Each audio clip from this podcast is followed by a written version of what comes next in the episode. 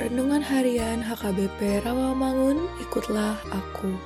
Jumat, 1 Juli 2022. Hidup Kristen yang bertumbuh. Bacaan pagi ini diambil dari kitab Filipi 3 ayat 4 sampai 11. Bacaan malam ini diambil dari kitab Mazmur 78 ayat 1 sampai 7. Dan kebenaran firman Tuhan hari ini diambil dari kitab 1 Petrus 2 ayat 1 yang berbunyi Karena itu buanglah segala kejahatan, segala tipu muslihat, dan segala macam kemunafikan, kedengkian, dan fitnah. Demikianlah firman Tuhan. Sahabat, ikutlah aku yang dikasihi Tuhan Yesus. Allah menghendaki hidup orang Kristen itu di dalam iman dan tubuh yang sehat dan bertumbuh.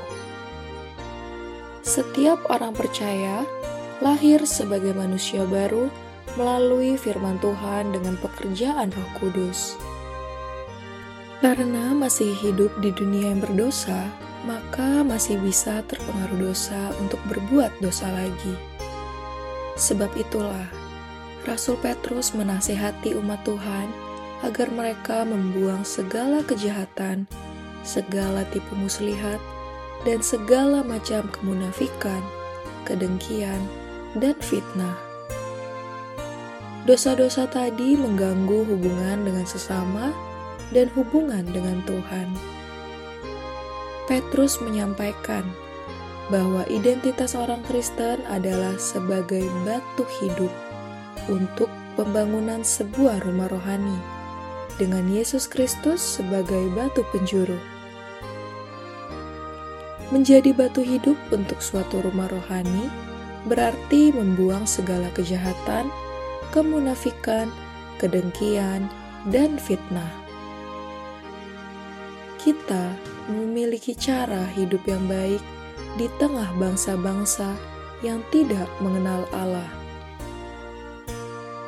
Teladan hidup semacam itulah yang membuat mereka bisa bertobat ketika Allah melawat mereka.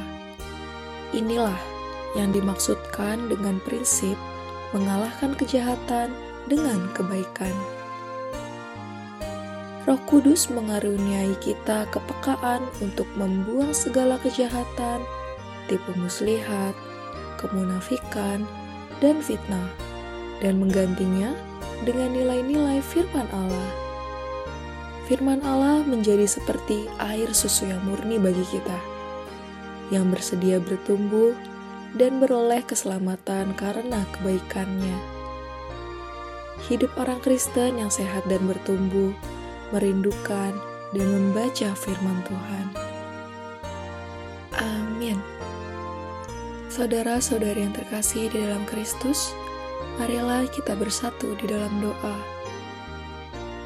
Ya Allah, berikan aku hati yang rajin untuk membuang segala kejahatan dalam proses pertumbuhan iman, pikiran, dan perbuatan yang baik. Amin.